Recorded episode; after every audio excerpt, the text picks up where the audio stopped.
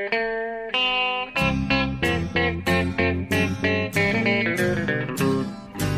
out there, we're on the air. It's hockey night tonight. Tension grows, the whistle blows, and the puck goes down the ice. The goalie jumps and the players bump and the fans all go insane. Someone roars, Bobby scores at the good old hockey game. Oh, the good old hockey game is the best game you can name. The best game you can name is the good old hockey game. Hallå, hallå, hallå, hallå allihopa. Det är dags för Stanley Cup-podden kanske jag ska säga. NHL-podden i alla fall. Igen, det är avsnitt nummer 149. Och det är med varm hand jag lämnar över direkt till Per Bjurman att sköta eh, resten av detta intro. Tack så hemskt mycket. Ja, du lät, eh, du lät inte så entusiastisk där. Det var ett hallå, hallå, hallå, hallå. Oj, ja, men... måste göra det här nu igen. alltså, jag är väldigt taggad för den här podden, men just intro har jag tappat lite självförtroende. Så. Nej, men så ska det inte vara. Då ber jag om ursäkt om jag har tagit ifrån dig din, din, eh, ditt gameface i de här mm. situationerna. Förra veckan kallade jag mig själv för totalt talanglös. Ja, nej, men det är du inte. Nej. Det är du inte Jonathan. Du har bara en liten svacka. Ja, vi, ska, vi, ska, vi ska prata med psykologen och ta dig ur det här. Ja, Nå, jag sitter i New York, ett grått, regnigt New York idag. Men vi, vi har ju fått sommar så vi ska inte klaga. Jag hör att det snöar hemma. Ja, ja det gör det ja. Det är snöblask som regnar ner här utanför. Så det, det är ett snäpp värre vill jag påstå. Usch, i slutet av april. Ja, usch. Inte klokt, inte klokt. Nej, men eh, det får vara hur det vill den här tiden, eller hur? Ja, för visst, har... man är ju inte utomhus ändå. Nej. Nej, vi tränger djupare och djupare in i Stanley Cup-slutspelet och eh, upphetsningen blir bara större och större och engagemanget djupare och djupare. Det här är en fantastisk tid på året, det bara är så. Ja, inget snack om saken. Och, eh, det kanske dock bidrar lite till svackan här just nu också att man har ju... Eh, sömntimmarna är ju i princip non-existent här. Så att man, Nej, är, man är ju redan lite sliten måste jag säga. Men... Ja, nu fick vi en, en liten buffertzon här mellan eh, omgång ett och omgång två eftersom omgång ett eh, gick snabbare än förväntat. Det var till exempel inte en enda Game 7. Eh, så den var över fortare än... Eh, och då, eh, och då får man några dagar. Men eh, det hjälper inte en sån som mig eftersom vi har redaktörer i Stockholm som ska ha fram nya grejer inför omgång två. Så Precis, det, här... så är det ett NHL-tätt VM som du får eh, leverera lite texter kring också. Det är NHL-spelarna som kommer över. Ja, nu är det 15 svenskar här borta som har tackat ja till VM. Det måste ju vara något slags rekord ändå. Ja, det känns som det. Jag, jag kommer ihåg hemma-VM 2012. Inte det som de vann, utan de hade ju dubbla där med, med Finland. Sverige delade på det. Då var det extremt mycket svenskar också. Men det, frågan om det var 15, alltså, det känns som nästan rekord. Det blir en totalt NHL-ifierad backuppsättning till exempel. Men det var något år här också för bara några år sedan när Klingberg och Rask och, och allihop var med. Då var det också rätt många. Ja, det minns jag. jag Ekholm och Forsberg. Just det. Ja, i alla fall. Ja, men varför klagar jag? Jag ställer dessutom till det för mig själv eftersom jag inte, när jag har jobbat mycket, jag har svårt att gå och lägga mig. Och nu har jag fastnat i, i, i Amazon-serien Bosch tredje säsongen. Jaha. Och det blir så här binge-tittande. Så plötsligt tittar man upp och ser klockan halv sju på morgonen och ja men jag måste se ett avsnitt till. Det är ju, då får man skylla sig själv. Då är man dum i huvudet. ja, det, är, det är inget fördelaktigt eh, för dina eh, små sömntimmar som du behöver få. Men eh, ja. Men det, du, har, du har lyckats köra upp det i alla fall. Så vi, vi, vi ska få till en podd här mellan runda ett och två. Ja, eh, och en, stro en, stroke, en stroke får man väl får man väl stå ut med under ett Stanley Cup-slutspel. Nej, nu ska vi inte skämta om nej, det. Nej, nej. nej. Vi är gammal. Men hör du, eh, innan vi går in på runda två naturligtvis. Det här blir en stor preview kan vi säga. Vi ska naturligtvis titta på alla serier vi har framför oss. Så kommer vi samtidigt automatiskt gå in lite på vad som, är, vad som har varit i runda ett också. Men innan dess tycker vi vi ska nämna lite små news som har varit i veckan utöver detta. Ja, Ja, som har hänt sen senast är ju bland annat att eh, Buffalo, som det, som det nästan kändes och såg ut på Jack Eichels order, sparkade både general manager och coach. Ja. Eh, både Tim Murray och eh, Dan Bilesma fick eh, säga tack och adjö. Där är dörren. Ja, ja det var eh, drastisk åtgärd. Inte totalt... Eh, alltså, ja, jag kanske inte förväntade mig att även Murray skulle få sparken, men att Balsam att det höll på att urarta till en ohållbar situation. Det förstod man ju på uppgiften om att Jack Eichel inte ens ville fortsätta spela med Balsam på bänken. Och, eh, eh, Ryan O'Reillys eh, kängor där efter säsongen när han stod och sa att det är ett patetiskt lag och vi spelar knappt för att vinna kändes det som. Och det var tråkigt att komma till träningen och sådär. Så att, att någonting skulle hända i, i Buffalo Sabres som ju både du och jag var inne på att snart borde den här rebuild, rebuilden börja ge lite effekt i tabellen. Men i, i år gjorde den verkligen inte det igen. Så att... Eh, Nej, det är lite... Mm. Han, deras nya ägare där, Pegula heter han väl? Ja, som varit där några år och som ju är väldigt pengastinn. Han har ju ekonomiska muskler. Ja, han sa ju för några år sedan på sin presskonferens där, sin omtalade att nu skulle det minsann aldrig mer vara budget i Buffalo, de skulle gå för Stanley Cup. Det var den enda anledningen att de överhuvudtaget existerade. Ja. Och de gjorde sin rebuild, men de har ju liksom fastnat i gyttjan medan, medan de som har gjort samma sak, Toronto, Edmonton, även Carolina, eh, har liksom took off. Men eh, Buffalo har inte fått den utväxlingen. Nej. Eh, och, det, och, det, är ju lite oroväckande och väldigt tråkigt för deras fans. De har ju extremt eh, lojala, passionerade fans Buffalo. Framförallt i norra New York. Men jag skulle vilja påstå att även Buffalo-fansen i, i, Sverige, de som finns, är, det är en synnerligen eh, hetlevrad och engagerad skara kan jag meddela. Som är, ger sig på eh, biffen ibland med, med, och svingar hårt. Oj då. Ja. ja. De har, eh, vad säger man, klös i sig. Ja, de är, de är frustrerade och det får man ju förstå. Sabeltandade. Ja. Sabres fans, ja. Ja, jag förstår att de är frustrerade. Det är, ju, det är väl även i Buffalo Bills där NFL överhuvudtaget. Det är ju en oerhört passionerad stad men är väldigt eh, fattigt på framgångar i alla möjliga former av sporter. Det är min känsla i alla fall. Mm, en riktig blue collar city, arbetarstad. Där man, eh, ja, de törstar efter framgång där. Men eh, vi, har inga, vi har inga besked om vad som kommer istället, eller hur? Nej, jag tycker inte det varit så där jättemycket tugg om det som det går att eh, med substans i vad som, vad som kommer hända här härnäst faktiskt. Eh, det har väl varit vad lite snack i alla fall. vad, har du för förslag, vad har du för förslag ja, men, ny GM? När jag tänker efter nu så bara kort här innan vi spelar in så på Twitter tyckte jag fladdra förbi att, att de är lite sugna på en new blood i alla fall. Alltså inte nödvändigtvis någon rutinerad herre liksom. Att de ska ta över Lombardi från Los Angeles till exempel. Utan snarare... Nej, det har det varit prat om. Både Lombardi och Sutter skulle byta, byta liksom, komma till Buffalo. Ja, men, snacka, om, snacka om kontraster för dem i så fall och byta eh, miljön, Los Angeles mot Buffalo. Ja, det, det, det finns... det är väldigt eh, skarpa kontraster. Det kan man säga. Ja, men det ryktas ju lite om att de är, kikar på lite oväntade alternativ. Lite nya, unga, oväntade namn som vi knappt känner till. Leif Bork. Leif Bork, ja, till exempel. är ett sånt, ett sånt namn. Nej, men... Ja, jag tycker det är dags att ta in en svensk tränare i Buffalo. En, eh, en, kanske inte Borken, men... Eh, men ja, vem? Vem är Sveriges bästa tränare, Jonte? Du det borde jag väl kunna komma med något svar på. Nej, jag vet inte. Men den som, för några år sedan, jag tror inte att han är aktuell i det här fallet. Men jag kommer ihåg att för några år sedan när, när Rangers gått långt i slutspelet flera år i rad så var det ju eh, lite snack om att Uffe Samuelsson intervjuades för NHL-jobb och så. Som till och med headcoach. Ja. Eller åtminstone, ja.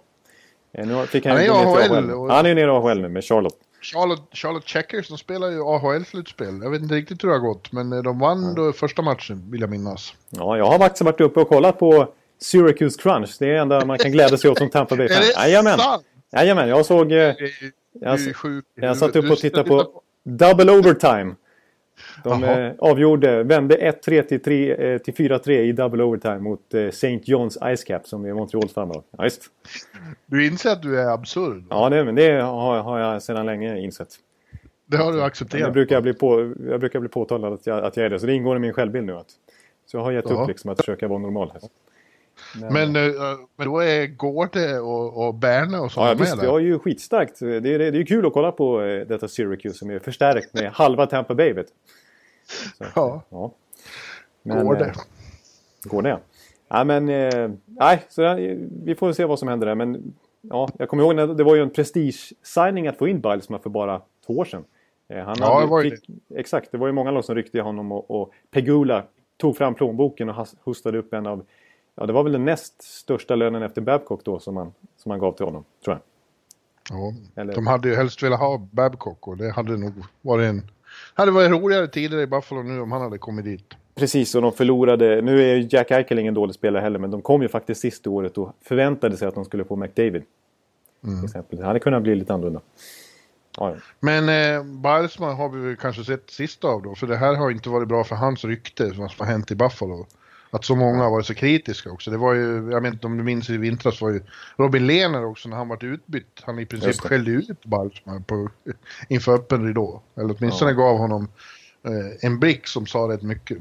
Det finns ju, ja det kommer jag ihåg och det finns ju ett gammalt, gammalt klyscha eller vad man ska säga om att man tappar omklädningsrummet. Då har vi nästan aldrig varit mer aktuellt än så här.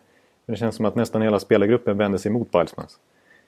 Det, nej, så han, är, han har ja. verkligen tappat anseende. Från Stanley Cup succé sin första säsong där med Pittsburgh till att nu vara ja. allmänt oönskade. Men han tjänar ju bra med pengar i alla fall några år till. I sin ja. avgångsvederlag om man ska kalla det. Trevligt för honom. Ja. Ja, men du, det är andra lag som har blivit eh, korsade. Det pratade vi redan om eh, förra veckan att eh, Los Angeles sparkade ju där. Eh, också både Lombardi och eh, Sutter. Mm. Eh, och så tog de in Ja, det var ju Blake och, och, och vad heter han? Robitaille som ja. tar över själva ledningen. Mm. Men nu, nu har de också gjort klart med, med John Stevens då som eh, ny coach. Han har varit assisterande och det känns väl inte så glamoröst och kul. Jag, det har alltid varit något torrt över John Stevens.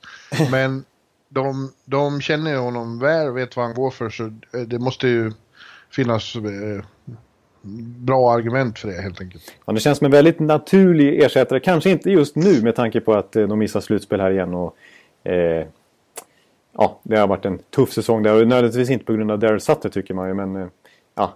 men, men John Stevens har ju fått mycket cred också för de här dubbla Stanley Cup-titlarna de har vunnit. Och att det har varit många lag som har ryckt i Stevens och har velat intervjua honom för sina vakanta jobb. Alltså de senaste åren. Eh, men att Los Angeles hållit väldigt hårt i honom och verkligen har velat ha kvar honom som associate till Sutter. Och att det på sikt skulle bli han som tog över. När, eh, den här. Mm. Och nu blev det ju så. Men eh, med tanke på att det kändes som att de är ute efter en liten nystart nu så är man ändå lite förvånad att de väljer att ta sin assisterande tränare då. Men det har ju varit ja, väldigt, ja. men de måste ju veta att, vi, att de måste ju tro väldigt mycket på honom och tycka att han har stora kvaliteter, för annars hade det varit lätt att få, få någon annan.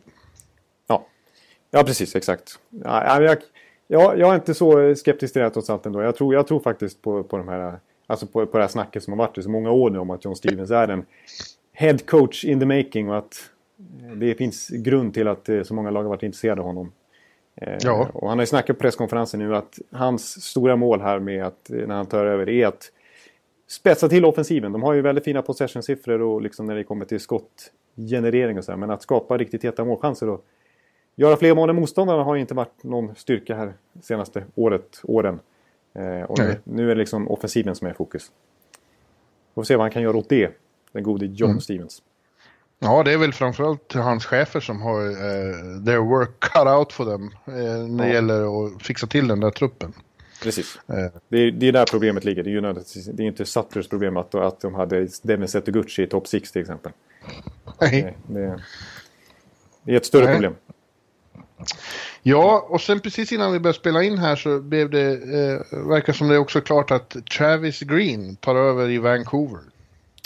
Ja, eh, ja precis. Det, blev, det, har vi inte hunnit analysera så mycket men eh, det stämmer ju. Det är ju en tränare som vi har nämnt i den här podden flera års tid eftersom han har dykt också. Han är också en sån där som har dykt upp. En AHL-tränare som ju har... Vi och vi, det är du. Ja, det är jag, ja, precis. Ja, men han är lite ny i Dallas Eakins, liksom så här hypad. Eh, precis, och, det är sådana som du håller koll på det. Ja, som var så framgångsrik med Utica för ett par år sedan. Nu visar faktiskt Utica slutspel här den här säsongen tror jag.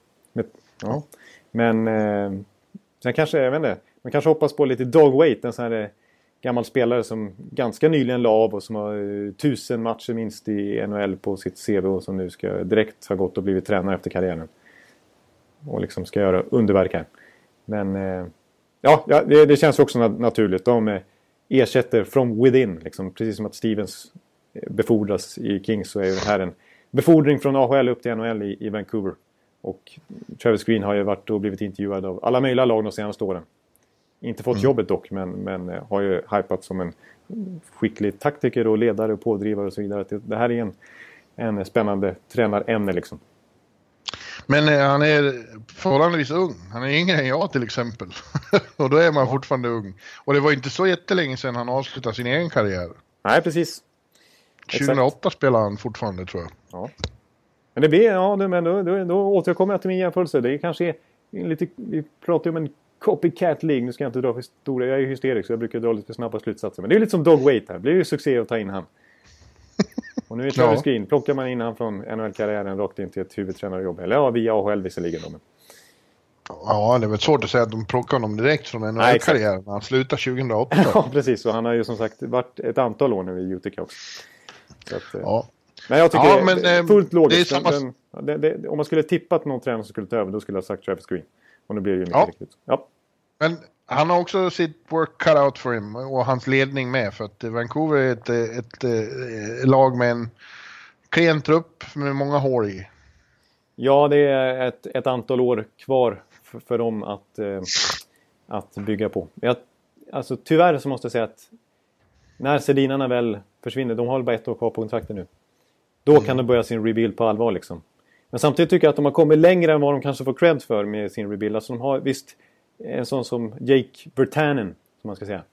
Har ju, har ju inte varit någon succé, en tidigt draftball liksom. Och det blev, fick ju lite stämpeln på att, eh, att Vancouver inte ligger bra till i liksom sin nya satsning. Men de har ju ändå, jag menar Bo Horvath vann poängligan nu och de har ju...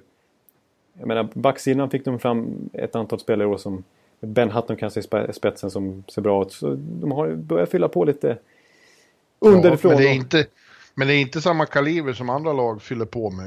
I, Nej, det är inte riktigt samma... Pros, prospects. Och tänk vad, vad fort det går ändå. Den var i final 2011 och var fortfarande ett topplag något år senare.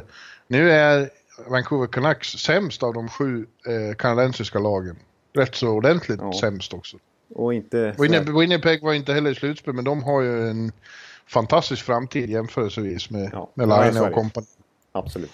Så att, eh, jag räknar att, inte med men, att eh, Travis Green ska ta dem till slutspel nästa år, det gör jag inte.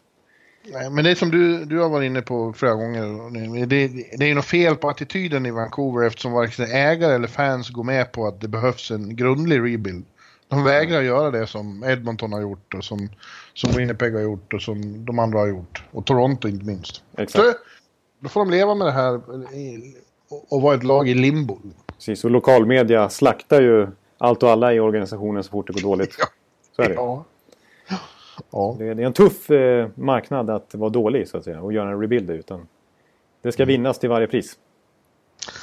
Ja, nu ska vi gå vidare till de lag som, eh, som fortfarande gäller. Som mm. fortfarande är vid liv, som fortfarande är aktuella.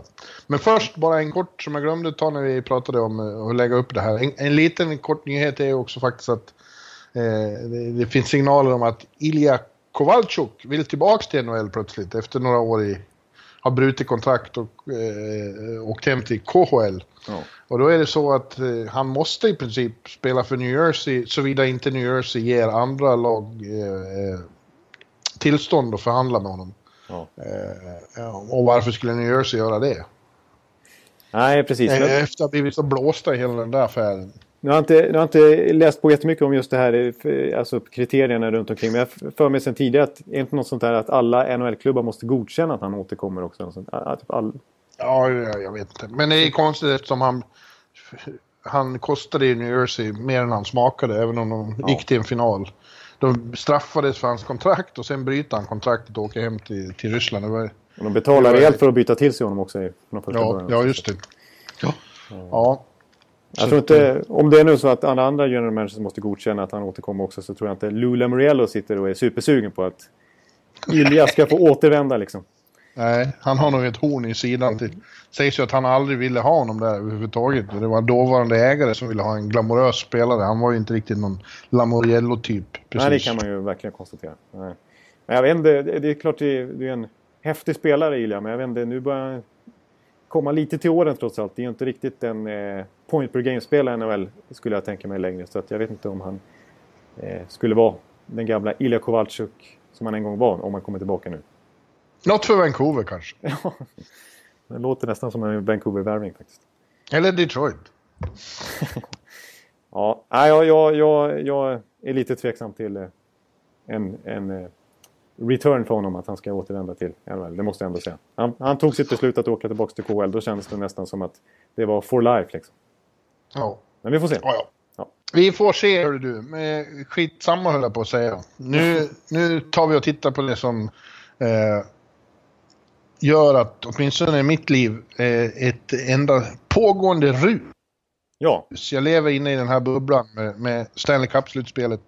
Eh, och vi, vi gör det som du sa. Vi, vi, vi tar en i taget av de fyra serier som återstår men då kommer vi automatiskt in på de serier som har varit och nu är avslutade och, och eh, så. Ja. Eller hur? Och vi är som vanligt, vi börjar här ute i öst, ja. närmast Europa. Och där har vi till att börja med monstermötet Washington Capitals och Pittsburgh Penguins. Som väntat, they'll meet again. Ja, precis faktiskt som, som väntat. Det har vi ju förutsett redan innan säsongen började att det skulle bli den här matchupen redan i andra rundan. Ja, tyvärr. Tyvärr. Det är ju egentligen, det är ju egentligen konferensfinal-kaliber på det här mötet. Och, och, faktum är att egentligen är det ju till och med Stanley Cup-finalkaliber. Final, ja, ja. Det sjuka är ju, det måste jag ändå säga nu, det är alltså ettan i grundserien som ställs mot tvåan. Ja, det, ja I andra det är rundan. Faktiskt, det är ju faktiskt åt helvete. Ja, och när jag ändå är inne på det här så måste jag säga så här att ut, i övrigt så har vi alltså sexan Anaheim mot åttan Edmonton. Vi har tolvan Ottawa hemmaplansfördel mot nian New York Rangers. Och så har vi då tian St. Louis hemma mot sextonde laget Nashville. Ja, ja jag, jag, det, det understryker ju bara på ett rent löjeväckande sätt vilket, vilket felaktigt system det är. Ja, precis. Det är inte sportsligt rättvist på något sätt egentligen utan... Nej, det blåser ju människor på, på stor eh, underhållning. Det blir ju... Ja, det, det, ska, det ska ju stegra med hetare och hetare möten. Ettan och tvåan ska... Ja, ja. ja nu är det så i alla fall. Vi får försöka leva med det. Ja, precis. Ja. Nej, men just nu i alla fall så ser man oerhört mycket fram emot. Det måste jag ändå som objektiv supporter säga att är det någon slutspelsserie jag är intresserad av att titta på så är det den här. För att det här är ju mm. the ultimate liksom, showdown och battle. Liksom. Det här är ju de två bästa lagen som möts redan nu. Ja. Ja, och eh, det är så... Det är ju inte första gången precis. Det är Nej. så intressant att se vad som ska hända. Vi kan ju börja med att säga att eh, om man ser till första gången så, så imponerade ju Pittsburgh betydligt mer mot eh, lagmaskinen Columbus än vad Washington gjorde mot kidsen från Toronto. Det är ju helt klart. Ja, det måste man ändå säga. För att, visst, man kan tycka liksom Columbus orutinerat eh, slutspelslag, precis som Toronto visserligen. Då. Eh, och så. Men det var ju, de, de slutade ändå fyra i grundserien.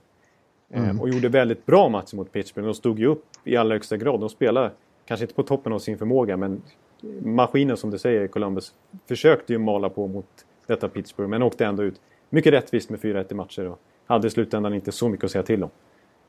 Nej, det, men det var det kul ju... att de bara fick, fick en match i alla fall. Ja, det var, det var de värda efter den här säsongen. Och liksom, det är ju bara att kolla på poängligan alltså. alltså de, de spelar bara fem matcher i den serien alltså. Men det är ändå i toppen av poängligan hittar vi Jevgenij Malkin. Vi har Crosby som gör mer än en poäng per match. Vi har Jake Gensel, de här liksom, mm. andra, man vill ju ha secondary scoring. Nu spelar, spelar han visserligen med Crosby, men vi har sådana killar som gör... Han leder skytteligan nu med fem mål och vi har Brian Rust på fyra mål. Och Kessel återigen fantastiskt slutspelet, åtta poäng på de här fem matcherna. Ja, och Malkin leder poängligan. Det är ja. många som pekar på att Malkin har inte sett så här bra ut i ett slutspel sedan 2009. Nej, det. Var det Conn Smythe-Malkin som ja. härjade? Two-headed monster Malkin. Ja, samma, samma år som de bland annat slog ut Washington på vägen till titeln. ja. Eh, och eh, det är framförallt eh, imponerande med tanke på hur mycket de saknar på, att ha på skadelistan. För där har de Matt Murray, ja. Chris Letang, eh, Kunitz, Carl Hagelin.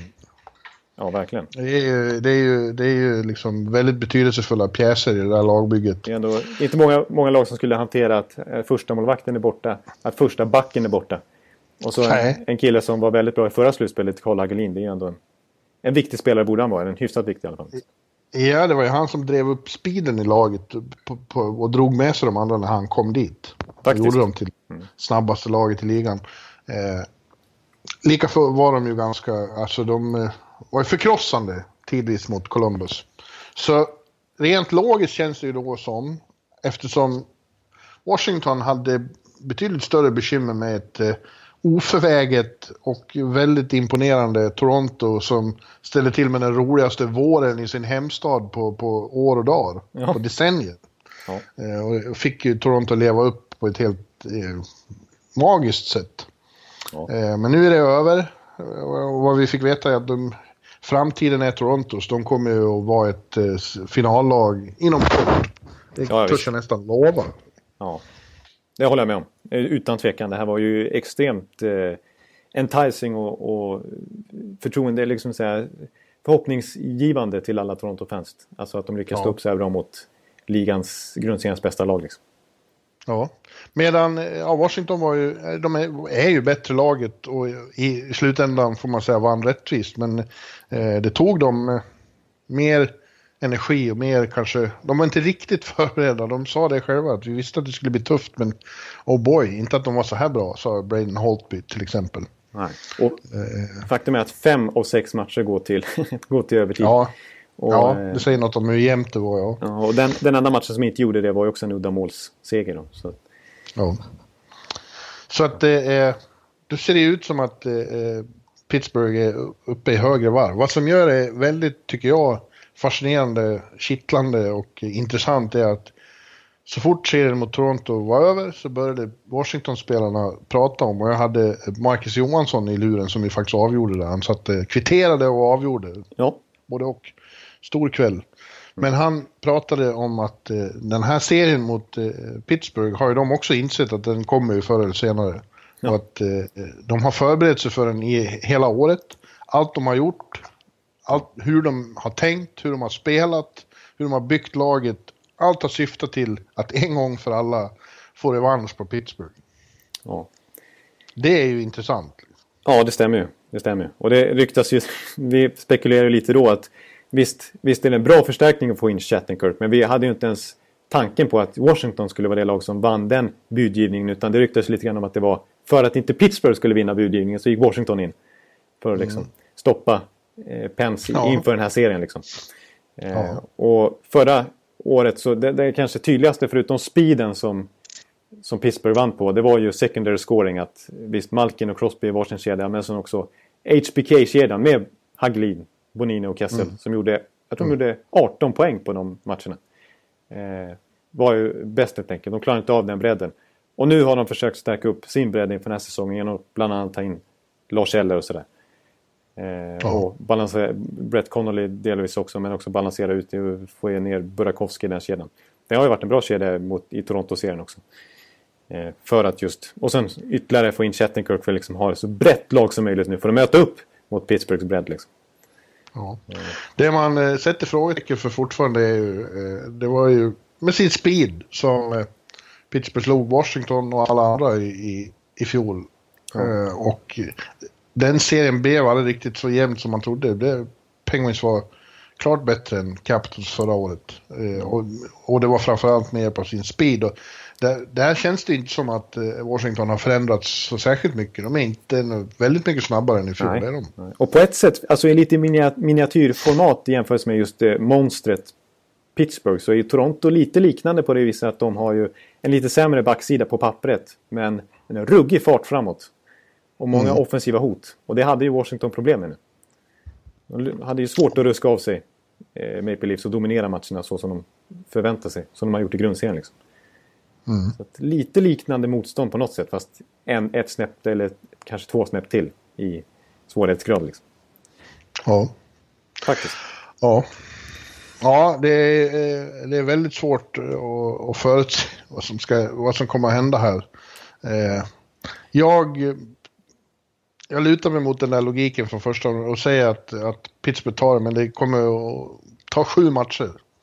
Ja. Minst höll jag på att säga, men för er blir det kanske inte. Men, det blir som vanligt att Washington förlorar Game 7 på hemmaplan då? Typ. Ja, det har man ju i och för sig också då svårt. Jag, jag tror att de kan ha fördel av att de har hemmaplan här. Mm. Mm. Eh, men, så det kan gå åt båda håll. Jag tycker den är extremt svårtippad. Det ska bli jävligt spännande att se vad, vad, vad, man också kan slå fast, såvida de inte gnuggar ihjäl varandra i, i för många övertidsdrama så tror jag att laget eh, som vinner den serien går till final. Ja, ja, det tror jag också. Det tror jag. Om man jämför med den andra sidan i öst här så känns de här två lagen klart starkare. Faktiskt, på pappret. Det måste man Och på isen. Ja, som, som, så, ja, som lagbyggen, absolut. Ja, ja de är etta och tvåa. Vi... Ja, i hela ligan. Ja, fast det. Ja. Men eh, jag vill också säga så här, till lite till Alexander Ovechkins försvar. För det har, också, det har ofta varit lite som att det, ja, de har aldrig lyckats ta sig förbi andra rundan under Ovechkin, Bäckström, eran så här. Och han, han har ju fått väldigt mycket skit för att Ja, men för att eh, Ovechkin inte klarar av att han är, blir lite playoff choker och sådär. Eh, mm.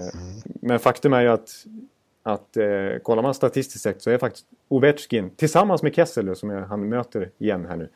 Eh, den spelare, av alla aktiva NHL-spelare som har lirat minst 40 playoff-matcher, och det är ett antal stycken ändå, så är det Ovechkin och Kessel som har bäst målfacit sett per match. De ligger på nästan 50 procent båda två. Det vill säga nästan mm ett mål varannat match. Och det är ju riktigt bra. Och jag menar förra året, alltså just Ovechkins statistik mot Pittsburgh är ju slående bra också. 21 poäng på 13 slutspelsmatcher i karriären mot Pittsburgh. Eh, för, mm. Förra året när de möttes så var ju Ovechkin riktigt bra. Han gjorde 7 poäng på 6 matcher. Crosby gjorde 0 mål, 2 assist och var minus 3 till exempel. Så att ja. jag, jag, tycker faktiskt så här. Och så som eh, Capital har försökt bygga lagen lite grann den här säsongen också. Det är inte Ovechkin och Bäckström som varit, eller Holtby för den delen, som varit problemet när de har åkt ur slutspelen. Utan det är snarare just bredden. Att de har varit, det har hängt för mycket på dem. Och de har levererat. Men de har inte fått de här Brian Rust-målen och eh, någon Jake Gensel som har klivit fram. Eh, utan det har handlat för mycket om toppspelarna. Liksom. Ja, och då har det varit för det. Det är ju så ofta så att toppspelarna blir ju neutraliserade. För det läggs enorm energi på att ta bort allting för dem. Ja. Eh, och har man, har man då bara en riktigt sylvass kedja, som de har haft några år, då blir det lättare att besegra dem. Exakt. Och det var, men, det men nu har de ju, eh, senast var ju till exempel, det var ju kedjan med Kuznetsov, Williams och Johansson som avgjorde mot Toronto. De var ju jävligt bra då. Exakt, precis. Och den som jag nämnde tidigare med Eller Connolly. Eh, Burakovsky var ju den kedjan i den serien som hade bäst, ja, efter Matthews, Nylander, Hyman så var ju det den kedjan som hade bäst possession-siffror. Som hade bäst liksom mm facit när det kommer till att eh, driva spelet så att säga. Ja. Så att, eh, ja. Burra behöver få in ett mål bara. Han behöver få in ett mål. Det behöver han få. Jag vill säga en annan sak som jag tyckte är kul. Jag läste en, eh, innan vi går vidare så vill jag säga, jag läste en artikel på Post Gazette heter den väl i Pittsburgh-tidningen. Om mm. eh, Hörnqvist. Eh, efter det faktum att han ska ju faktiskt, lite oväntat här, så ska han Eh, de ska ju splittra vad det verkar som om man dömer efter träningen här senaste tiden på Gentzel, Crosby, Sherry. Och istället, istället köra Gentzel, Crosby, Hörnqvist. Ja. Så att Sherry får lämna där. Och Hörnqvist är ju visserligen väldigt van med att få spela med Crosby. Det har han gjort i många år nu. Men de, de, bara intervjuade hur många spelare som helst i Pittsburgh om Hörnqvist. Och ja. det, var, det var roliga citat faktiskt. Det var, liksom, det var någon som beskrev honom, alltså om hans sätt att vara. Eh, till exempel Matt Cullen som har spelat 1500 NHL-matcher och är 40 eller 56 år höll jag på att säga. Han, han sa att han har aldrig eh, spelat eller mött en spelare som är mer intens. det finns ingen annan han kan jämföra med honom.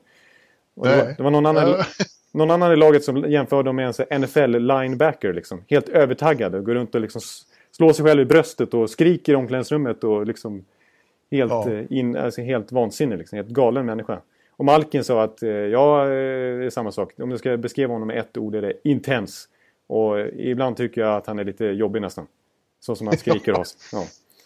Ja men det har man ju Han sitter ju skäller i båset på. Det spelar ingen roll vem det är liksom. Ja, han skäller ju ut Malkin och Crosby som att det vore några slags pojk, juniorer som pojkspolingar som kommer upp. Alltså, han har ingen respekt ja. för dem överhuvudtaget. Han är ju totalt påslagen hela tiden. Det finns inget annat.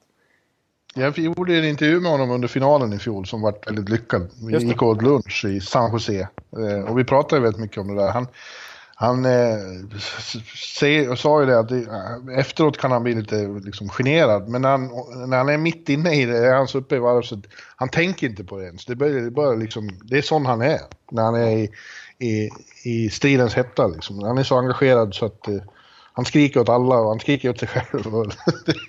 Han är, helt, det... han är ju galen liksom, när han väl ja. är inne i playoff-mode här. Liksom. Ja. Så att, eh, och, det, och jag, jag tror att det, han är en viktig spelare för Pittsburgh. Alltså. De verkar ju... Alltså, han verkar ju vara... Eh, alltså det är en kille som driver på laget helt enkelt. Ett enormt hjärta. Ja. ja. Och det, det, Ja, Mike Sullivan ja. talar väldigt gott om honom. Det är ingen tillfällighet att han helt plötsligt ska flyttas upp till första kedjan Trots att den redan har fungerat. Intressant med målvaktsmatchen också. Det verkar ju som att Murray är borta fortsättningsvis också. Att de får eh, förlita sig på Flurry, som ju var väldigt bra mot Columbus. Det är väldigt starkt att komma in. Han fick beskedet inför första matchen under värmningen, gick ju Murray sönder. Ja, exakt. Eh, eh, men han har sin historia, så det är ingen som riktigt litar på honom i längden. Utanför Nej, Jag känner mig inte helt trygg med, trygg med Blomman här trots allt. Det måste jag erkänna själv. Trots att han var Nej. så bra mot Columbus. Gjorde väl 50 räddningar i sista Game 5 där. Till exempel. Men samtidigt då som Holtby som är så fantastisk i grundserien jämt. Han har inte övertygat så jättemycket i slutspelet. Vare sig i fjol eller i år. Eh, Han har inte varit dålig men han är inte heller... Det, det räcker ju inte i slutspelet med att inte vara dålig. Man måste ju vara... Man måste vara fullständigt galet bra som Jake Allen och Pekarinne och Henrik Lundqvist. Ja, jag håller med där. Så Holtby har faktiskt bättre siffror än vad man kanske tror i sin slutspelskarriär. Han har riktigt bra siffror faktiskt i slutspelet. Men känslan är ändå att han, han inte riktigt klarat av att vinna matcherna hos sitt Washington. Nej. Och, nej. och i år så, nej, han var inte fantastisk mot eh, Toronto heller. Det var han inte. Nej, det handlar ju om hur man är i de absolut mest avgörande lägena. Och har ju så, runnit in några för enkla puckar ibland. Ja, det, det får man faktiskt konstatera. Ja, men jag har nu sagt 4-3 till Pittsburgh. Vad säger då ondskan från Örby? Ja. Nej, jag, jag tycker det, jag tycker det, jag resonerar så här att jag, hur jag än väger det fram och tillbaka så, så, här, jag, så, så blir det typ 50-50 alltså. Det är verkligen, det kommer bli ja. skitjämnt. Så att jag, jag står fast med mitt tips att Capitals vinner Stanley Cup. Och det ska man inte göra för det, jag har ju tippat om hur många gånger som helst och inte fått någonting för det. Så jag borde ju lära mig av historien, men nu, nu står jag fast för det. I och med att jag ändå känner 50-50 så säger jag Capitals då. Okej. Okay. Ja. Quality sleep is essential for boosting energy, recovery and well-being. So, take your sleep to the next level with Sleep Number. With a Sleep Number smart bed, you can individualize your comfort level and enjoy a better sleep night after night. JD Power ranks Sleep Number number 1 in customer satisfaction with mattresses purchased in-store. And now the Queen Sleep Number C4 smart bed is only $1,599, a saving of $300, only for a limited time. For JD Power 2023 award information, visit jdpower.com/awards. Only at Sleep Number stores or sleepnumber.com. Ja, sen har vi en serie till i öst förstås. Hade varit jävligt konstigt annars. Eh, ja, det är sant. Och det, det, är då Ottawa Senators mot New York Rangers. Eh, och det är ju ur svenskt perspektiv då, du kanske kommer att sitta och titta mest på, på Washington, Pittsburgh. Men för, de, för oss som bevakar eh, NHL och svenska medier här borta så finns det ingenting som går upp mot Erik Karlsson versus Henrik Lundqvist. Det är våra två största stjärnor som, som går i clinch. Ja. Och eh, det är inte bara ur vårt perspektiv, det är ju de det känns som de två kampen verkligen står mellan här. De är sina lags två största stjärnor också. Ja, verkligen. Alltså, ska man peka ut en varsin MVP i första rundan från respektive lag så skulle nu nästan ingen förneka att det i Ottawas fall är Erik Karlsson och i Rangers fall är Henke Lundqvist. Nej, nej så, så är det ju. Så är det ju. Erik eh, kan mycket väl ha varit hela, slut, hela första rundans största stjärna. Ja. Eh, och då utan att ha gjort ett mål, men det var ju framförallt de här passningarna han slog. Med den här eh, enormt höga lobben. Ja. Som särskilt utropstecken när han drar från ja, förlängd, egen förlängd mållinje rakt, rakt på klubban på Mike alltså, Hoffman. Om, om, om det skulle funka, Ja, precis. Alltså, om det skulle funka så här. Nu är det ju lite orättvist att en eh, andra assist på ett självmål i princip räknas lika mycket som Erik Karlssons mm. eh, superlobbpassning. Så skulle man värdera poängen så här, då känns det som att Erik Karlssons poäng är värda så otroligt mycket. Alltså de insatserna han har gjort. Det känns som att han leder poängligan nästan med de där grejerna han har gjort. För de är så sjukt imponerande och så totalt avgörande för att det har blivit mål och för att eh, de har vunnit respektive match. Liksom. Ja, den där passningen var ju, skulle jag också kalla första rundans enskilda absoluta höjdpunkt. Det var ju ett sånt mästerverk så att jag, jag har skrivit flera gånger och upprepar gärna att den där passningen skulle kunna åka på folkparksturné i Sverige i sommar och, bli, och bli bejublad. Ja, ja, precis. Det är sant faktiskt. Ja. ja, den är, ja, och det var ju bara en av flera fina insatser som han gjorde. Ja, verkligen. Han hade ju fler. Och, och, spelar ju så enormt mycket, driver spelet, är, är otroligt viktig både defensivt också. Ja, ja. Och Karfan, Karfan har ju visat sig två stressfrakturer i en här, så han gör allt det här medan han är skadad och har, som han sa åt mig, för jävla ont. Ja, han går alltså på sprutor för att, inte, för att eh, få ner smärtgraden. Liksom. Eh, och det är ju helt osannolikt egentligen att, att med den här smärtan och den här, de här skadefrakturerna helt enkelt. Att han kan vara så dominant. För det är ju helt... Det är som vanligt, jag orkar knappt upprepa det igen. Men det är, det är nästan ytterligare förstärkt i den här slutspelserien. Hur otrolig skillnad det är i sådana här underliggande possession-siffror när Erik Karlsson är på isen jämfört med att man inte är det. Alltså Cody Ceesay, Dion Phaneuf-backparet som visserligen har hyllat lite under säsongen att de har fått eh, större bredd bakom Erik Karlsson där.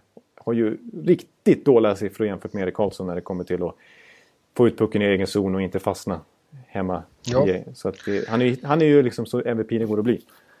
Ja, det är det jag säger. Han borde ju vara Hart Trophy-nominerad. Det är bara så. Det finns, eh, han och Conor McDavid är de två viktigaste för sina lag. Det ja. är bara så.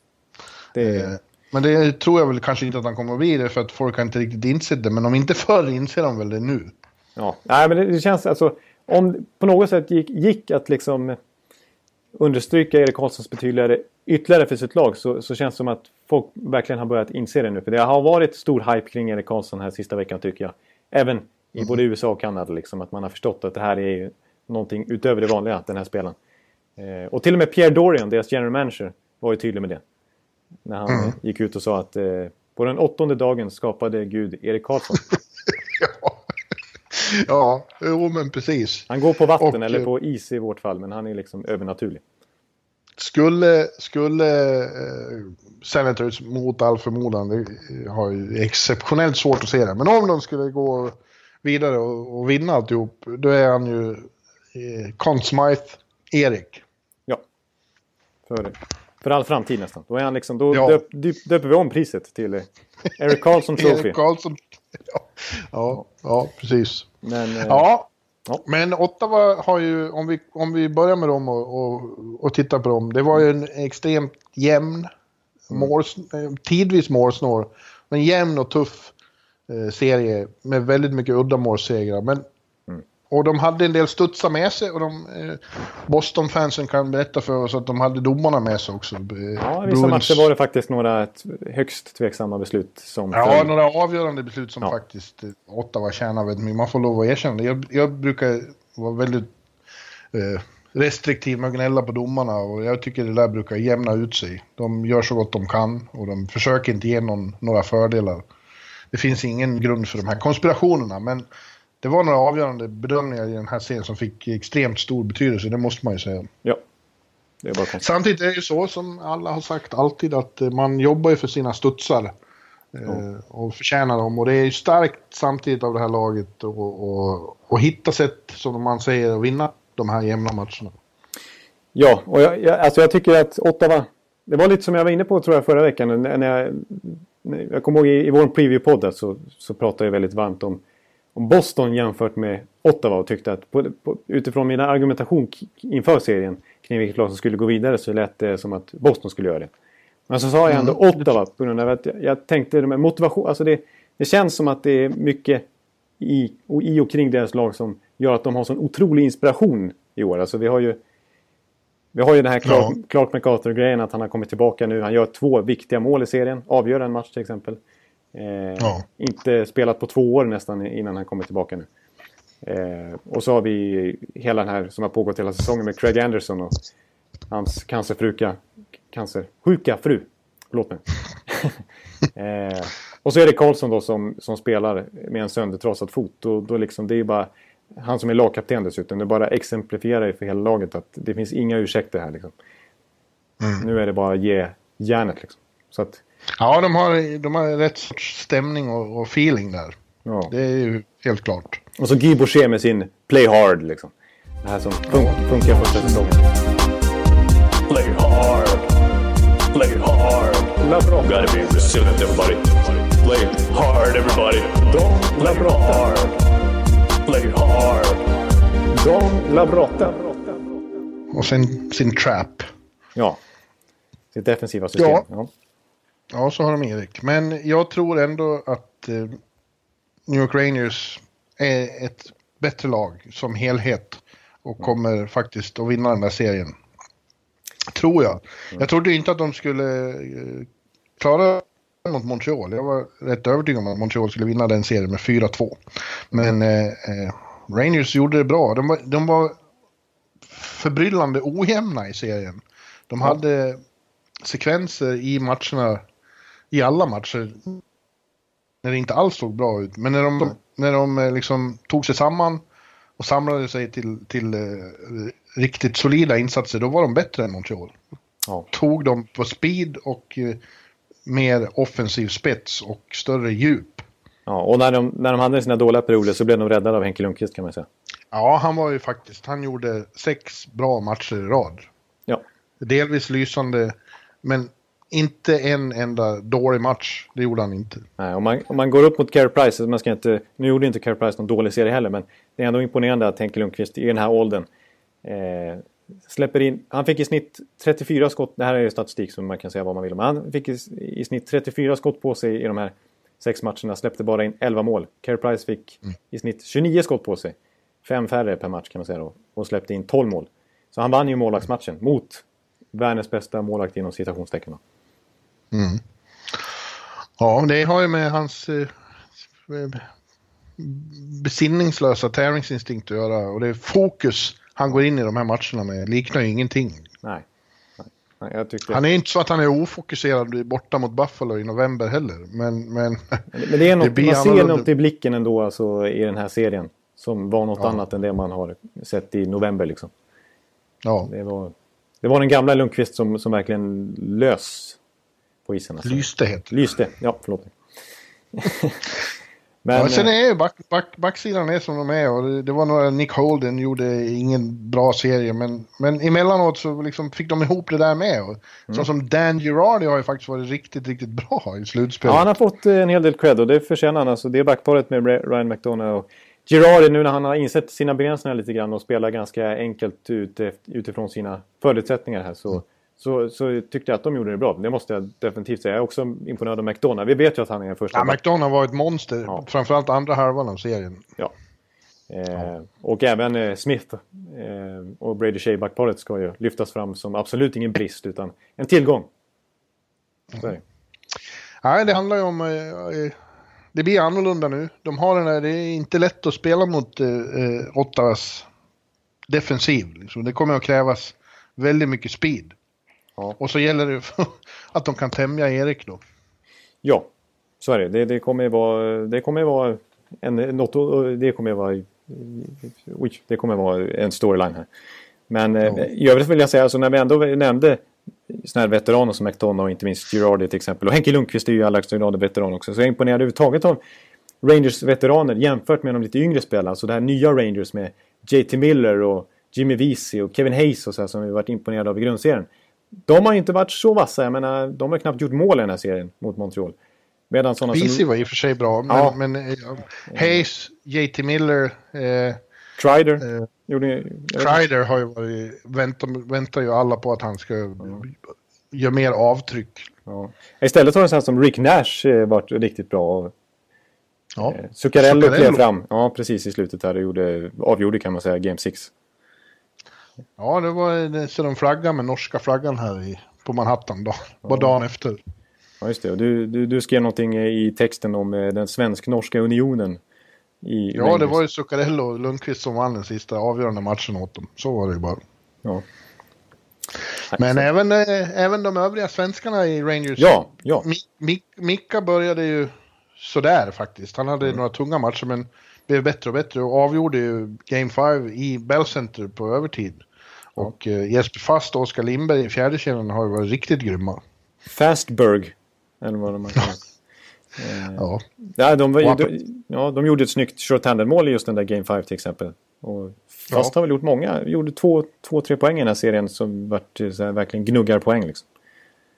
Och apropå Mika så en, en, en, en side story i den här serien som är väldigt fascinerande är ju han och Brassard eftersom ja. de bytte lag i somras i, i, i den stora traden mellan Rangers och Ottawa och, och, nu, nu ska vi se vem som vann den traden. Det blir mm. väldigt eh, handfast eh, kamp där och Brassard har ju varit som vanligt.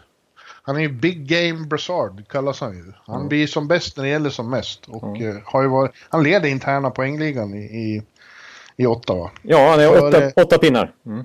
Ja, före den på nytt födde Bobby Ryan. Som ju ja. har haft eh, sensationell serie också. Det är lite samma sak där. Det är veteranerna som har klivit fram här. Bobby Ryan som ju var totalt iskall den här säsongen. Det har varit snack om att han ska köpas ut till och med. Eh, ja. Och att han hade kommit in till den här serien. Han gjorde något mål, tror jag, i slutet av grundserien. Annars tror jag han hade tre, kom in med 13 raka matcher utan mål och sånt där. Eh, och så har han ju varit fantastiska. Avgjort två matcher och varit jättebra här. I, konsekvent i serien mot Bruins. Och så Brassard också. Ja. Samma sak där. Gjorde inte heller någon jättebra grundserie. Men nu verkligen en spetsspelare för Sens. Ja, och, och, ja det är ju väldigt lovande för dem. Ja, och så, så ändå Zibanejad. Eh, nu blev det inte så mycket mål i Montreal eh, Rangers-serien här. Men han, är väl den, han leder den interna poängligan han med i Rangers då. Ja, ja han, gör det. han gör det. Eh, de är i form de här ja. två. Eh, som går upp mot varandra. Kan man säga. Ja. Ja, mitt tips är då att Rangers som helhet är bättre, så jag chansar och säger att de tar det i sex igen. 4-2. De har ju hemma i Madison. Ja. ja eh, och då säger jag så här. Att Senators vinner i sjunde avgörande. Ja. Jag, jag, tycker att, också att Rangers har ett bättre lag. Och en, en, annan bredd får vi ändå säga än vad Boston hade. Som ju var lite skadeskjutet, inte minst på backsidan också. Eh, jag tror, eh, jag tror Rangers blir en tuffare motståndare och jag kanske egentligen rent logiskt borde tippa dem. Men jag tror just på den här känslogrejen att Boucher manar på dem i omklädningsrummet och alla de här faktorerna som, som, som har inspirerat dem de senaste veckorna. Jag tror att det leder dem till att ta sig ända till konferensfinal faktiskt. Och då, då får vi alltså Washington, Ottawa i konferensfinal enligt dig. Det är väldigt fascinerande och ett av de lagen kommer gå till final. Ja. det är storartat. Storartat Jonte. Ja. ja. Du, eh, men då, då går vi över till väst. Då börjar vi med Pacific eller Central. Du får välja. Eh, jag väljer Central. Central börjar vi med då. Ja, jag tycker det är mer logiskt. Vi... Vi, vi, vi, tar, vi stannar upp först i, i St. Louis, Nashville här innan vi tar oss lite längre västerut. Ja, ja. och där har vi svensk möte Monumentale mellan eh, St. Louis Blues och Nashville Predators. Det kommer att vara minst åtta, men med all säkerhet nio svenskar på isen samtidigt. Två det... blågula lag vet... rent bokstavligt också.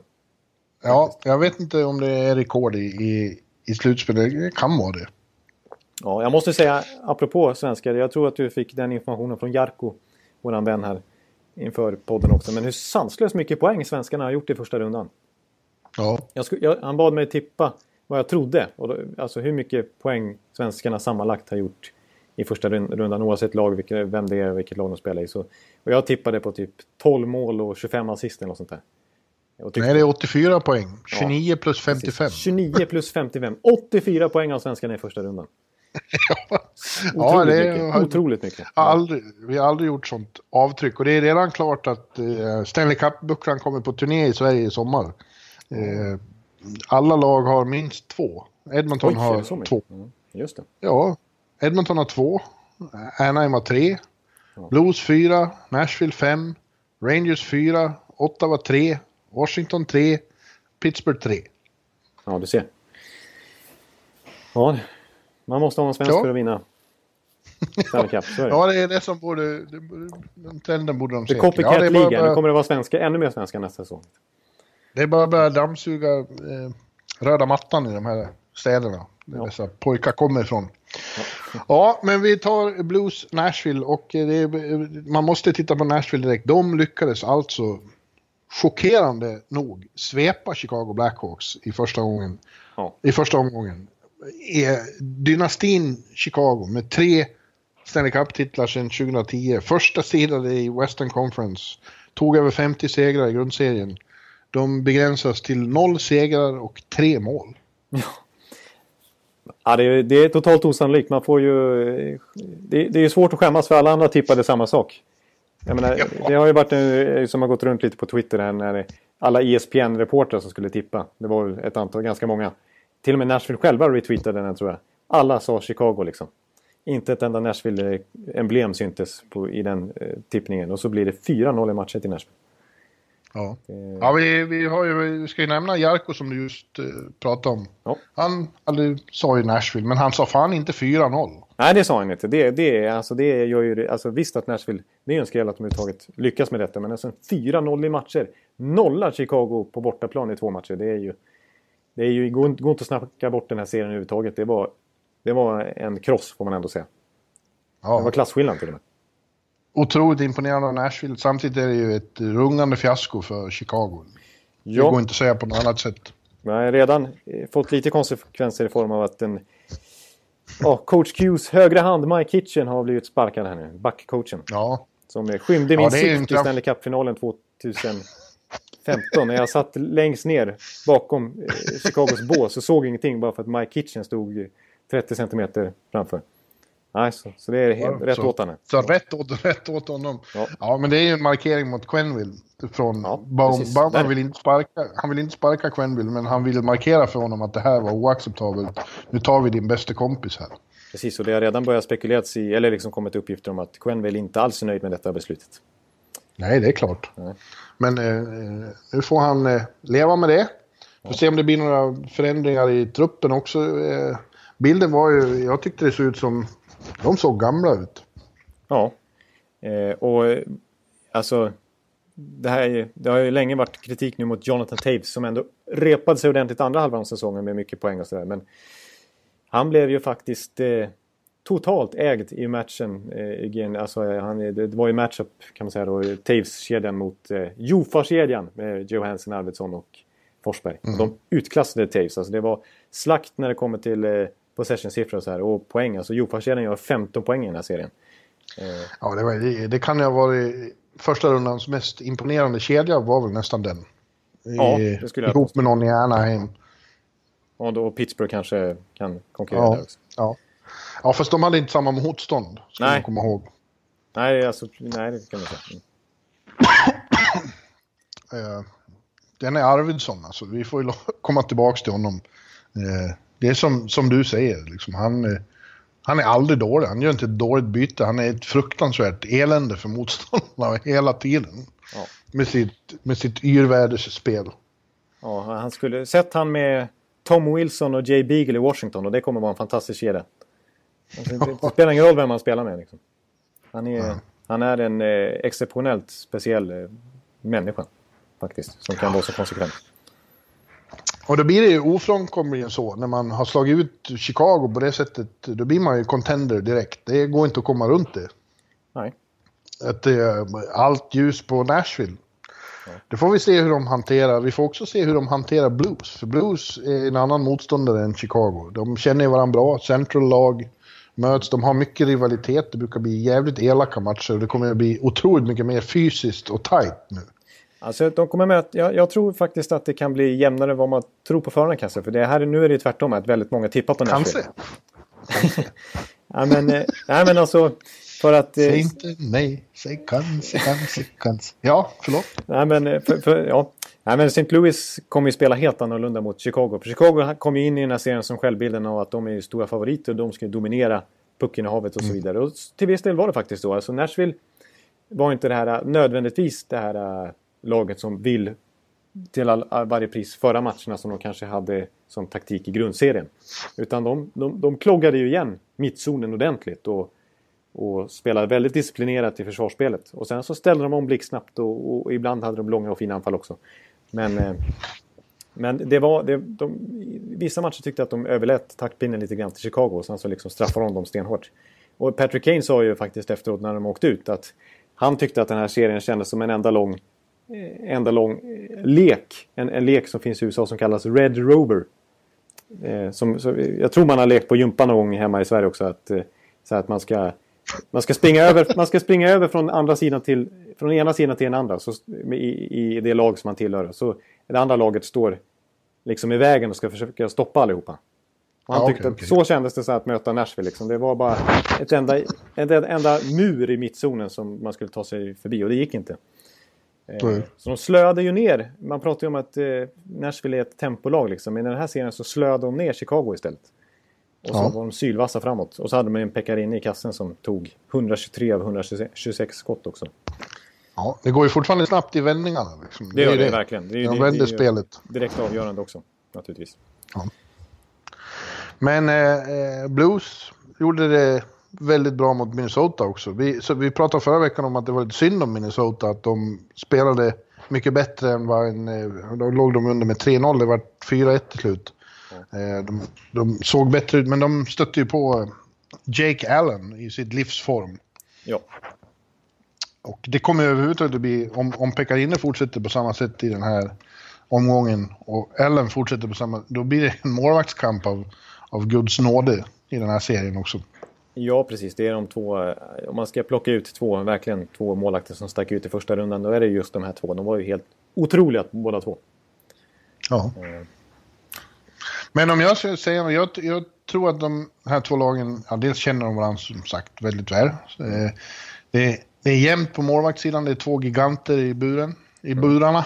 Mm. Det är också rätt så jämnt på forwardsidan tycker jag. De, de har ett eh, eh likvärdig slagkraft framåt, men jag tror att Nashvilles backsida fäller avgörandet, för det finns det större djup och mer dynamik. De har tre riktigt bra backpar, det är inte, nästan ingen som kan mäta sig med dem på den punkten. Oh, oh. Ja, precis. Och, och jag, tror, jag tror att det blir utslagsgivande och att de kommer att ta Blues med 4-2. Du, jag, jag har faktiskt skrivit upp mina tips här innan och jag har skrivit exakt samma sak. Fyra, ja. matcher. Och när du säger tre bra backpar, det är ju tre bra backpar. För det är inte så att Jannik Weber i sista paret är någon svag länk till exempel. Men, men fakt, jag blev lite förvånad när jag kollade istiden hur otroligt hårt de går på sina topp fyra backar. Och det kan man göra i ett slutspel. Speciellt om man vinner med 4-0 i matcher och kan vila en och en halv vecka nästan innan det är dags igen. Mm. Men alltså, mm. samtliga de här killarna, Subban, Josie, Ekholm och Ellis, hade över 25 minuter per match. i ena serien i snitt. Mm. Eh, medan Webber till exempel låg på typ 9-10 minuter. Så att eh, det går ju att gå på fyra backar. Det har ju eh, Chicago visat det. Det behöver ju inte Nashville göra. Men de kan göra det. Och vi backar gillar ju att spela mycket också naturligtvis. Så att, eh, det, att behöva gå upp mot i princip 60 minuter per match gå upp mot eh, de här fyra backarna. Det är ju otroligt fördel för Nashville. Antonsson styrka. Ja. Eh, de gjorde ju 10, 10 poäng de här fyra backarna i första rundan på bara fyra matcher också. De var ju helt överlägsna. Det var ju... De utklassade ju Chicago, inte minst på den fronten också. Och Mike Kitchen får alltså lämna backtränaren i Chicago. Ja. Så eh, ja, så att det är ju en ruggig styrka Nashville har. Och det känns som att backsidan har nästan liksom blivit ännu mer prioriterad i dagens NHL. Hur viktigt det är med spel, spelande, puckförande backar. Liksom. Ja. Vilken styrka det är att ha. Liksom. Så att, eh, Ja. Men som, som ja, jag säger, kommer... jag, tror, jag, jag, tror det blir en helt annorlunda serie här för Nashville ändå. För att de kommer förväntas föra matcherna på ett annat sätt. Det gjorde de ju delvis mot Chicago också. Men de kommer möta ett lag som verkligen backar hem nu jämfört med ett lag som vill föra spelet själva. För, att, mm. för St. Louis... Ja, det blir annorlunda, helt mm. klart. Mm. Det kommer att bli tight. Mm. Och de, de, är inte roliga... Och fysiskt kommer det att bli. Det kommer bli fysiskt och det är inte helt roligt att åka på omställningen när Tarasenko, Schwartz och så vidare sätter fart. Det är de, eh, alltså St. Louis. Alltså det, det, är ju bara, om man kollar på Corset till exempel så var de ju överlägset sämst i den här eh, första rundan. De bara 39 procent. Då skulle det är till och med så att Colorado och Arizona utklassar dem med sina siffror i grundserien. Men jag vill, det, dels Allen naturligtvis att han, att han storspelar kassen. Men jag vill eh, ge cred till hela försvarsspelet som Mike Joe har fått till det. Eh, de spelar väldigt, de släpper till väldigt få riktigt farliga målchanser. Framförallt inte i slottet. Alltså. De, de rensar bort returer, de låter Allen se skotten, de håller motståndarna på utsidan och sådär. De, de är otroligt samspelta mm. i St. Louis helt plötsligt här nu. Men nu ska de få lov att dela med Viktor Arvidsson. Ja, ja det är, sagt, det är sant. Det, det, det, det är, inte, det, det, är inte det lättaste. Nej, det är det inte faktiskt. Eh, så att, nej, jag, jag, jag, trots att jag försöker argumentera lite för Blues här så känner jag att Nashville är det starkare laget. Men det kommer som sagt det kommer bli fysiskt. Och eh, Blues är inte riktigt samma ångvält som de var för bara ett år sedan under Hitchcock. Nej. Eh, de har ju, de har ju förvandlats lite och blivit kvickare och så. Men, men det är fortfarande ett jävligt tungt lag. Ja, precis. Eh, och deras, som jag är inne på också, deras spelstil är ju lite sån också ändå trots allt. Att de är tunga att möta liksom. Ja. Så att, eh, mm. ja. ja. Ja, men du, eh, avslutningsvis då har vi längst ut i väst Anaheim Ducks mot Edmonton Oilers. Och ja. Eh, ja, det blir dags att åka till Alberta igen för Anaheim och försöka upprepa vad de gjorde i sin första runda mot Calgary. De faktiskt ju också svepte ja. eh, Calgary. Och jag, ja, jag är imponerad av Anaheim. Det kändes som de var ganska obönhörliga i den serien. De gick inte att stoppa. Nej, de har inte förlorat en match i grundserien sedan den 10 mars. Eller ett, en, en match i ordinarie tid ska jag säga. Sen 10 mars. Det är otroligt. Nej, och här hände det saker. Alltså de låg under med 4-1 och vände och vann med 5-4 på övertid och, och sånt. I, ja. På bortaplan. Och eh, särskilt imponerande har ju de tre old guys varit. Eh. Getzlav, Perry och inte minst Ryan Kessler. Ja. Eh, nej, precis. Både rent vad de presterar på isen men de har också haft sånt mentalt övertag när de varit inne också och lirat. Alltså, mot, ja. mot Calgary klarade inte av det. De tog dumma utvisningar som var inne på förra veckan istället. Och liksom ja. den här känslan av att de kommer vinna. De är liksom ostoppbara. De kan vända underlägen och de, de kan hantera alla typer av situationer i matcherna. Så kändes det i första rundan ja. faktiskt. Och de har ju, det är den här snöbolls, positiva snöbollseffekten att bara rulla på nu. Det, som sagt, man har inte förlorat på en och en halv månad. Liksom. De har ruggigt självförtroende där just nu. Och, som vi varit inne på så många gånger den här säsongen, den här stenhårda matchningen som Carlisle har på, på sina toppspelare. Att även forwards kan spela 25 minuter per match. Getzlaff mm. Perry. Eh, så vidare. Kessler. Eh, nu är det ju perfekt för dem att de har fått en veckas vila här nu. Eh, snart, ja, snart kanske Ken Fowler är tillbaka. Det är ju en jätteförstärkning på backsidan. Hampus Lindholm som var lite småskadad av serien i, i, i slutet av serien eh, får lite vila här. Vatanen också. Så att det är ett mm. friskare dags här kanske. Som kommer in i den här ja. Dessutom. Men de får, de får gå upp mot ett ungt, fantastiskt eh, lag med enormt självförtroende som slog ut eh, eh fjolårsfinalisten San Jose med eh, en mycket, mycket imponerande insats, inte minst i sista matchen i Shark Tank. Eh, ja.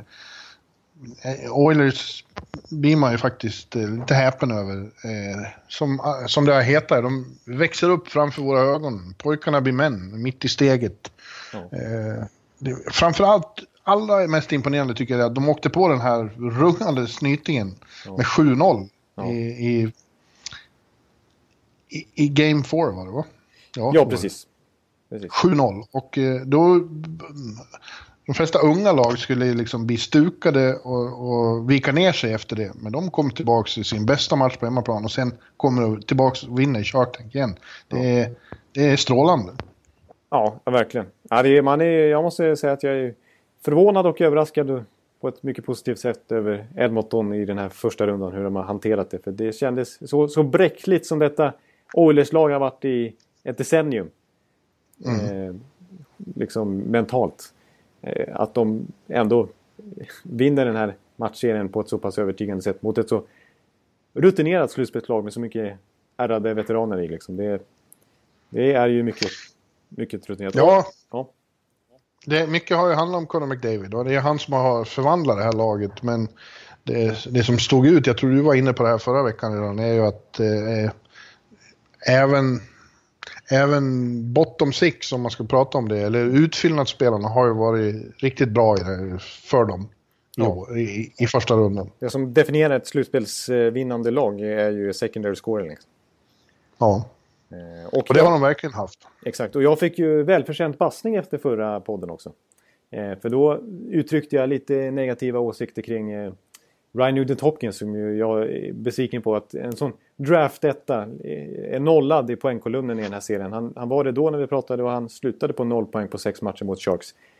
Men han, eh, han fick ju gå upp mot, eh, hans kedja där med Lucic och Eberle fick ju gå upp mot eh, Pavelski. Som någon slags shutdown-kedja lite grann. Att möta motståndarlagets bästa kedja. Eh.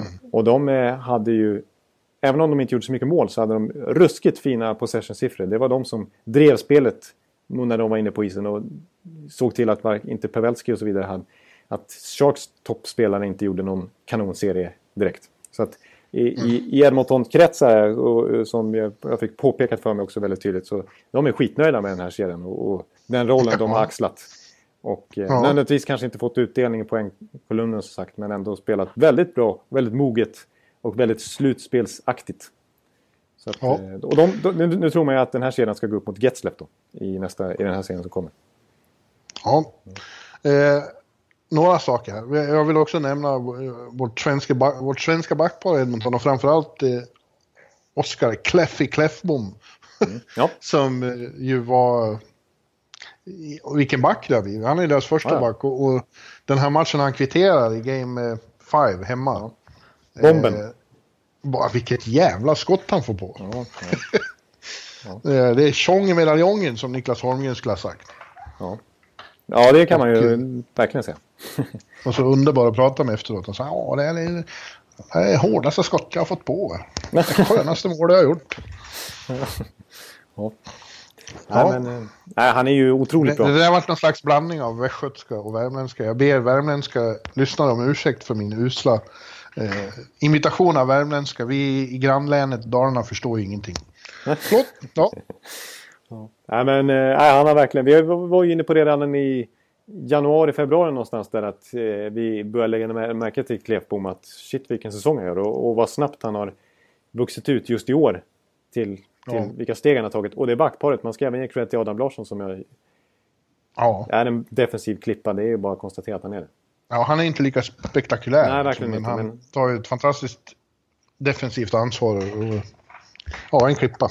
Ja, en, en match mot Tampa Bay just på färskt i minnet när han var helt kung. Vilket monster han var i den matchen defensivt.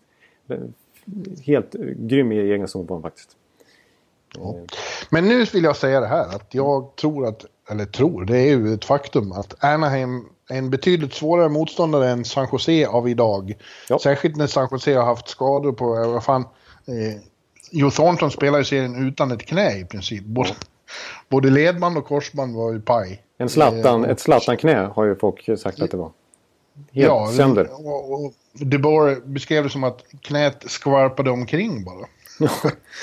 eh, låter nästan dumdristigt att spela slutspelshockey. Ja, jag måste det säga det. annat än att ligga ner. Alltså man är imponerad över att han kunde lira så pass mycket och så pass bra som han ändå gjorde under de här förutsättningarna. Men det låter ju dumt att en 38-åring eh, som dessutom ska ha nytt kontrakt i sommar.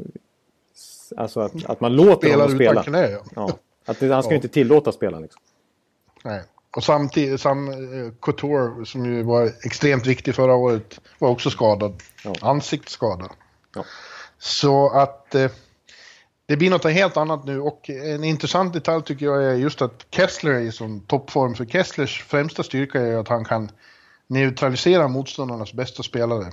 Ja. Och eh, han kommer ju att ta sig an Connor McDavid då. Och eh, hur det nu är med, med Edmontons eh, bredd då och mm. eh, att de har secondary scoring och så vidare. Så mycket är ju vunnet för den motståndare som tar bort honom ändå. Så är det ju. Ja, precis. Och Sharks lyckades till viss del. För där, där, där har de ju...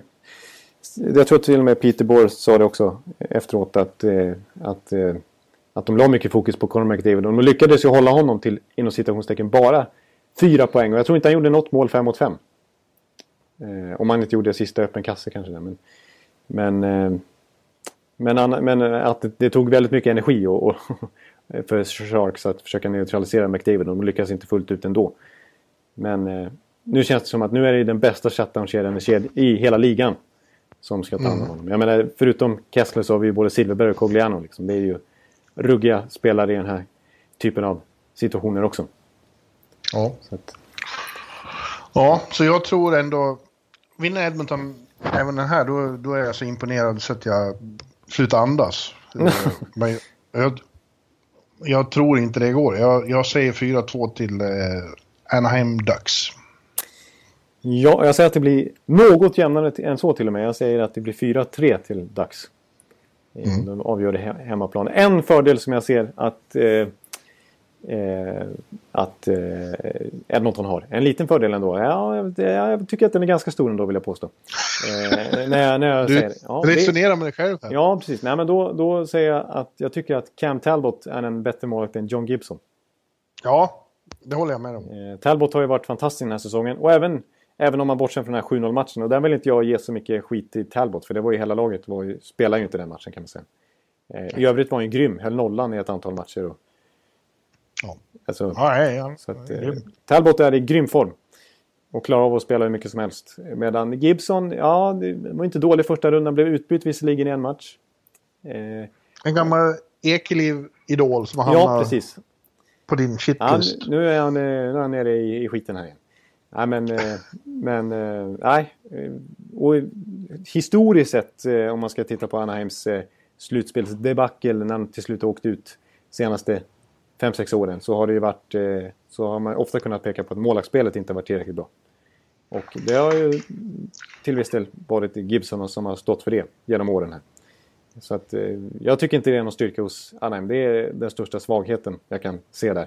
Medan Cam Talbot är ju en jätteviktig spelare för Edmonton. Ja. Så att, eh, ja. Så fyra till, men du tror ändå att det är dags för dags? Ja.